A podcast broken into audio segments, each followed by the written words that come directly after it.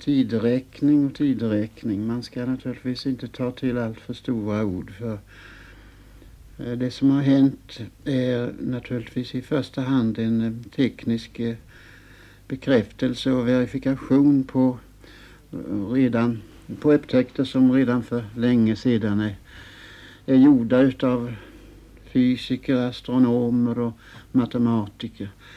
Och eh, när det nu blir en människa så att säga i, i en kapsel som far kring och verifierar detta.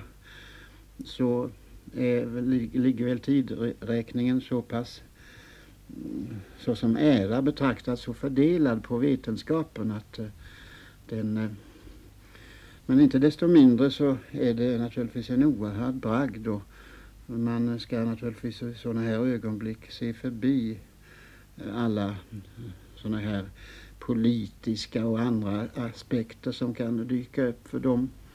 De har ju inte med eh, detta att göra i alldeles direkt mening utan jag tänker mig att den mannen som satt där inne i denna kabin och såg ner över Afrika och såg kartbilderna glida bakåt under sig på, eh, med en snabbhet som eh, var väl frågan om en halvtimme för hela Afrika kanske. Ifrån Kairo till Kap. Det, det var i det ögonblicket hela mänsklighetens ögon som blickade ner på en, på en kartvärld, en glob som är vårt hem. Det var ju väldigt synd ifall man drog allt för eh, politiska eh, slutsatser av, av det här.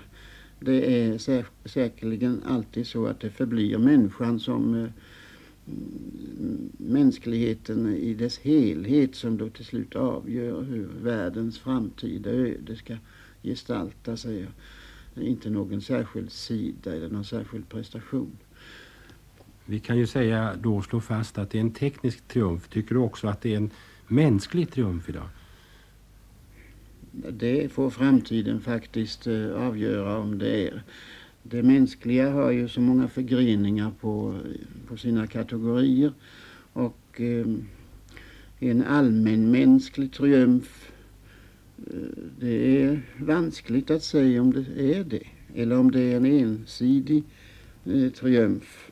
Det beror alldeles på i vilken mån vi i framtiden kommer att bli ensidigt tekniska eller om vi kommer att bibehålla eh, och eh, utveckla vidare en allmänmänsklig människa. Mm. Gör vi det, då är det faktiskt ett framsteg. För att eh, rymdåldern är ju numera inte bara ett talesätt, det är ett faktum som vi helt enkelt måste acceptera och se eh, i ögonen sådant det är. Ja, det kan kanske med bävan och till och med med skräck men jag tror inte man ska överbetona de där sakerna. Därför att eh, vi kanske helt enkelt eh, förr eller senare ställs inför den, eh, de, den uppgiften att vi måste eliminera skräcken i världen genom att tänka om, tänka att världen eh, inte längre är någonting som kan delas mellan ideologier eller, eh, eller, eller sådant. Till och med ideologierna måste kanske till slut helt enkelt eh, bita i det sura äpplet och eh, tänka om helt och hållet. Det är, ideologier är nu en gång för alla inte något annat än något sekundärt. Men ett så här som nu har hänt, det pekar hän mot något som är i första rummet alltså. Men jag tror nog att det finns många människor som idag känner en viss rädsla just i själva triumfen och jag vet själv att du i din bok Aniara och på andra ställen också har tänkt speciellt åt, åt det hållet och man ser väl lite ängsligt framåt här på nästa steg. Vad kan det bli? Ja, nästa steg det, det blev väl en vidareutveckling av dessa principer och, sedan så kommer de väl att försöka att sträcka sig längre och längre ut inom det här planetsystemet.